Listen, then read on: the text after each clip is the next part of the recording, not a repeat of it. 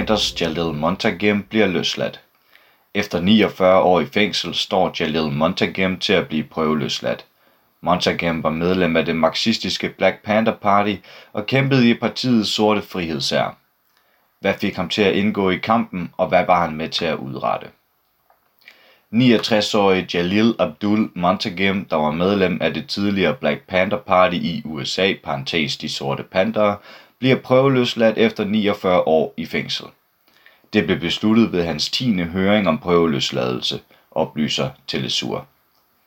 Montagem kæmpede for sortes rettigheder i det marxistiske partis sorte frihedsær, parentes BLA. BLA var en væbnet undergrundsenhed, som forsvarede sorte og tog kampen op mod politiet, der blev anset for at være racistisk. Men hvem er Montagem? Hvorfor gik han med i de sorte pantere, og hvad var han med til at udrette i kampen mod racisme i USA? Montagem, der, før han skiftede navn, hed Anthony Bottom, blev født i 1951 og voksede op i San Franciscos bugtområde. Bugtområdet var i 1950'erne kendt for sine etnisk opdelte kvarterer, da det flere steder var ulovligt for sorte at bo. I dokumentarfilmen Befrielsens stemme beskriver Muntagim sin familie som arbejdermiddelklasse. Muntagim fortæller, at hans mor Billy Brown opfostrede ham og hans søster med ideen om, at de var afrikanere. Ifølge The New Yorker mindes Muntagim en opvækst, hvor han som barn blev kaldt for det racistiske øgenavn nigger. Han husker desuden, at en buschauffør beordrede ham til at sidde bagerst i bussen, fordi han var sort. Op til 1965 eksisterede Jim Crow-lovene i USA, der satte rammerne for et etnisk opdelt samfund, hvor sorte blev nægtet adgang til hvide skoler, parker, restauranter, toiletter og transportmidler. Jim Crow-lovene blev indført efter den amerikanske borgerkrig om retten til slaveri, der sluttede i 1865. Sydstaterne tabte krigen om retten til at beholde slaver, der oftest var sorte mennesker importeret fra Afrika. Ifølge historikeren Bruce Bartlett blev de racistiske love implementeret af demokrater i et forsøg på at fjerne sorte menneskers politiske og økonomiske fremskridt, efter det ikke længere var lovligt at eje sorte som slaver. Muntagims mor var medlem af den Nationale Forening for Farvede Menneskers Fremgang, parentes NAACP. NAACP, som stadig eksisterer i dag, blev oprettet i 1909 og er en organisation for borgerrettigheder. NAACP's mål er at sikre politisk, uddannelsesmæssig, social og økonomisk lighed og rettigheder for alle personer og tilintetgøre racebaseret diskrimination. Fra NAACP's dannelse modarbejdede organisationen den etniske opdeling, som Jim Crow-lovene indførte. Desuden kæmpede organisationen for at stoppe lynchinger af sorte mennesker. En lynching er et overlagt mord begået af en gruppe mennesker, ofte ved at torturere, voldtage og hænge en person. Ifølge Tuskegee Institute blev der fra 1882 til 1968 lynchet 3.446 sorte mennesker i USA. NAACP kæmpede mod lynchinger ved at fungere som lobbyorganisation, arbejde for lovændringer og uddanne offentligheden om de racistiske mord. Muntagem blev inspireret af sin mor og NAACP's kamp for sortes rettigheder, og han tilsluttede sig derfor organisationen som teenager i 1960'erne. Som en del af NAACP og den sorte studenterforening var Muntagim aktiv i USA's borgerrettighedsbevægelse i 1960'erne, hvor bevægelsen for alvor begyndte at få indflydelse.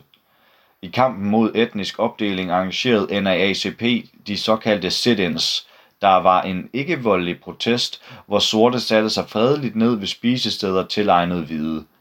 Her forsøgte de at bestille mad og nægtede at gå, når de blev beordret til det. De fredelige sit-ins blev ofte afbrudt med vold og racistiske tilråb, da sorte aktivister som regel blev slæbt ud fra de steder, hvor de protesterede mod etnisk opdeling.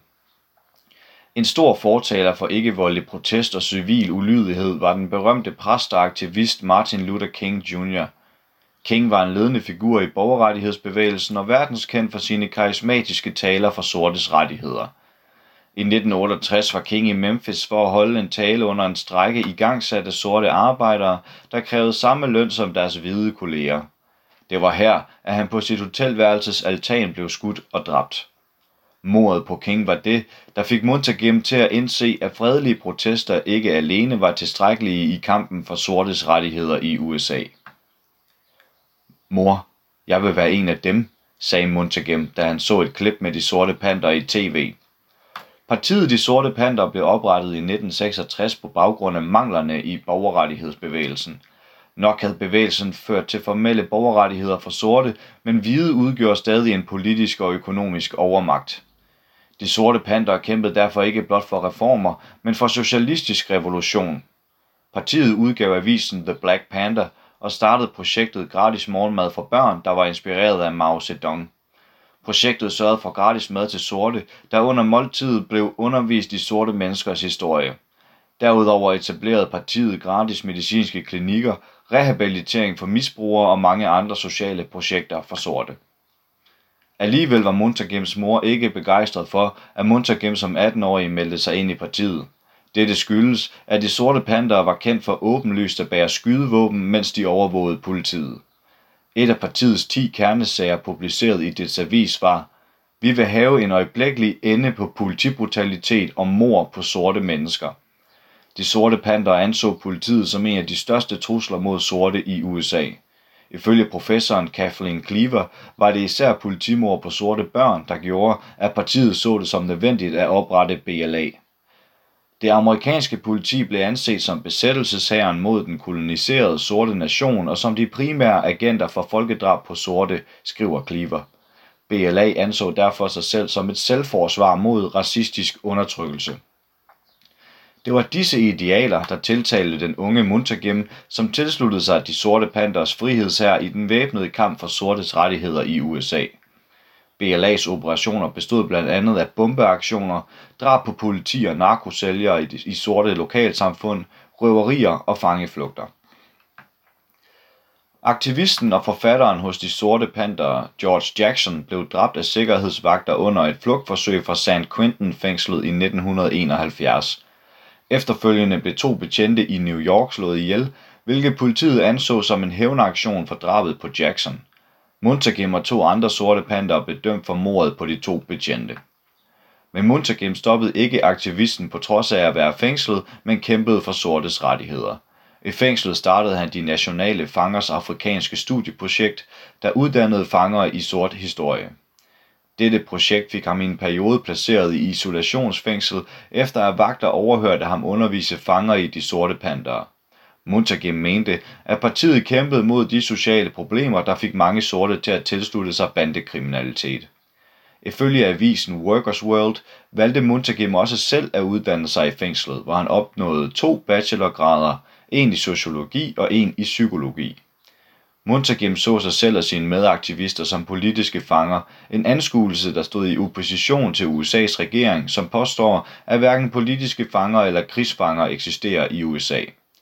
I den forbindelse oprettede Muntagim den nationale Jericho-bevægelse, som stadig i dag kæmper for at få USA og FN til at anerkende USA's politiske fanger og krigsfanger i et forsøg på at befri dem, oplyser The Jericho Movement. Ifølge organisationen Black Youth Project har Muntagim været berettiget til prøveløsladelse siden 2002, men har fået ni afslag på at blive prøveløsladt.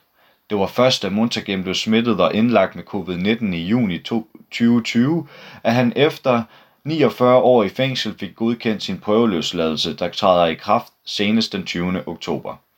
Ifølge det britiske dagblad The Guardian sidder 18 sorte mandlige og kvindelige aktivister fængslet i USA. Alle anholdt mellem 1970'erne og begyndelsen af 1980'erne. Siden 2000 er otte tidligere medlemmer af Black Panther Party døde i fængsel.